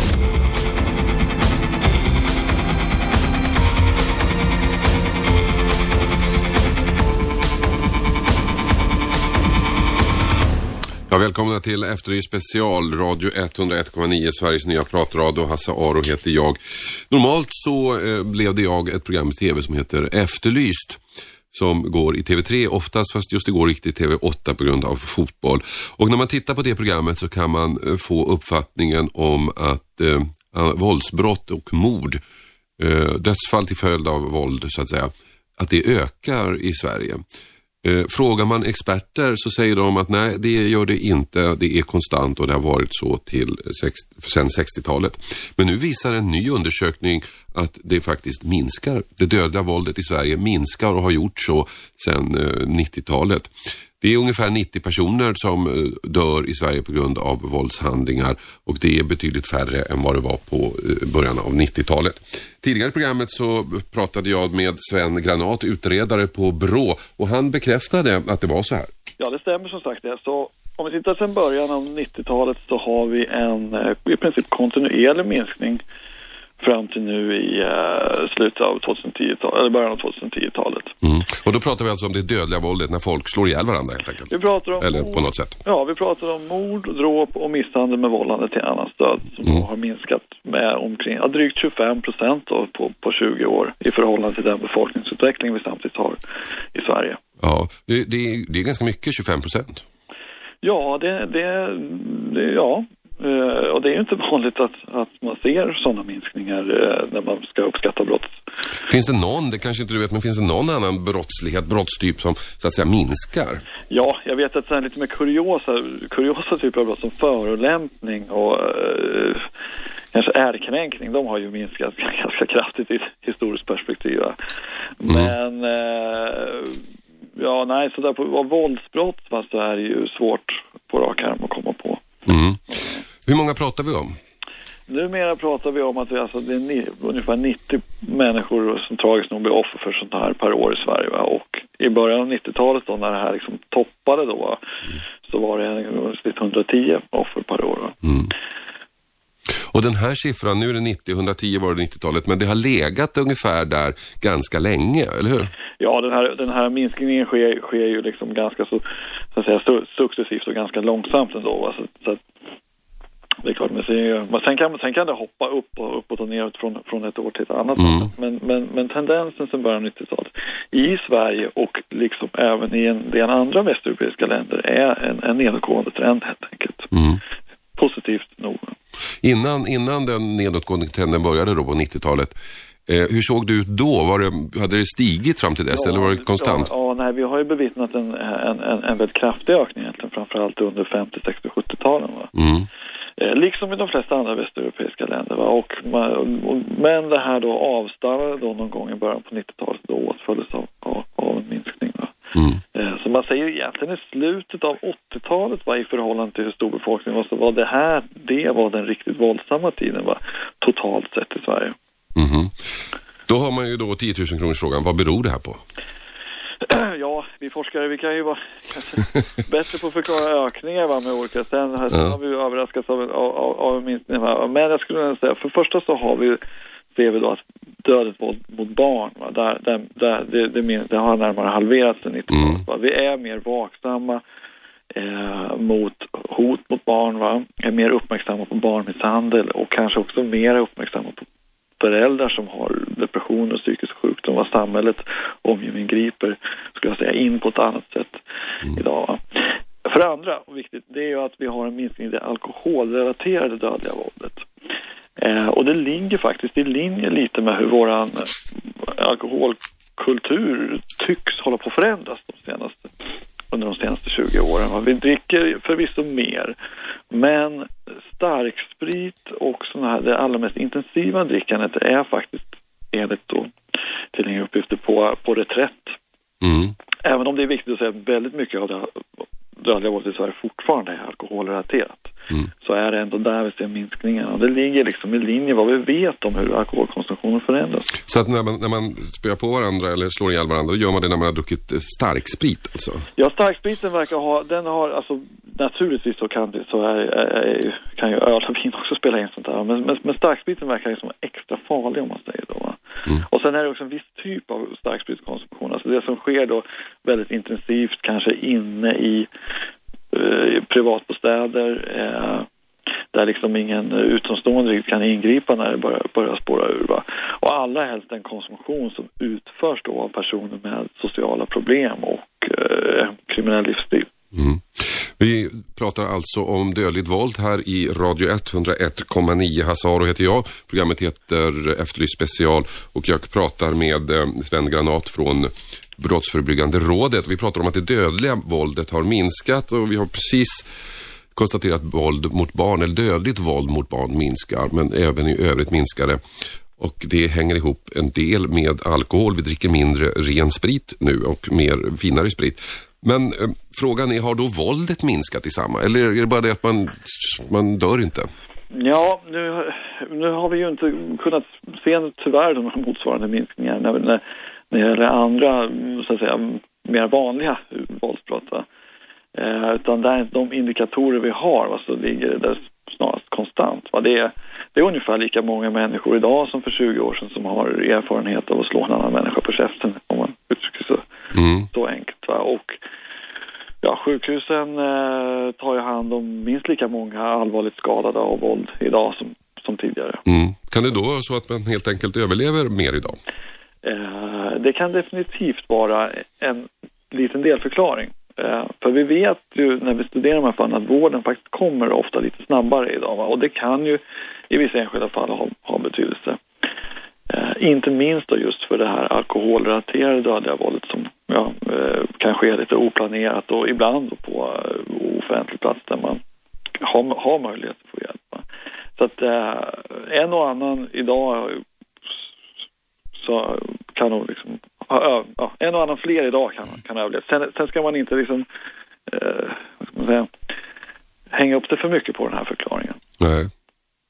Men, du, du sa att det här, är en, det här är också en internationell trend. det stämmer det. Det dödliga våldet minskar i, i hela västvärlden.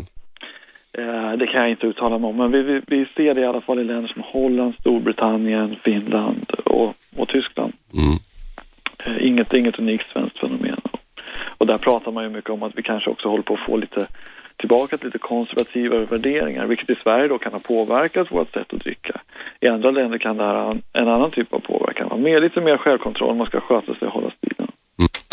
Sa alltså Sven Granat på Brottsförebyggande rådet tidigare i programmet när vi pratade om dödligt våld. Ett våld som faktiskt minskar i Sverige. På 90-talet, början av 90-talet så var det ungefär 110 personer som dog till följd av våld, mord och dråp och sånt i Sverige. Nu är det nere på 90 och det är ju glädjande. Det här är Radio 1, 101,9 Sveriges nya pratradio. Jag heter Hasse Aro, mitt program heter Efterlyst special och det är faktiskt slut nu. Men vi ses igen eh, nästa vecka klockan 13 på samma kanal. Hej då! 101,9. Radio 1 Sveriges nya pratradio.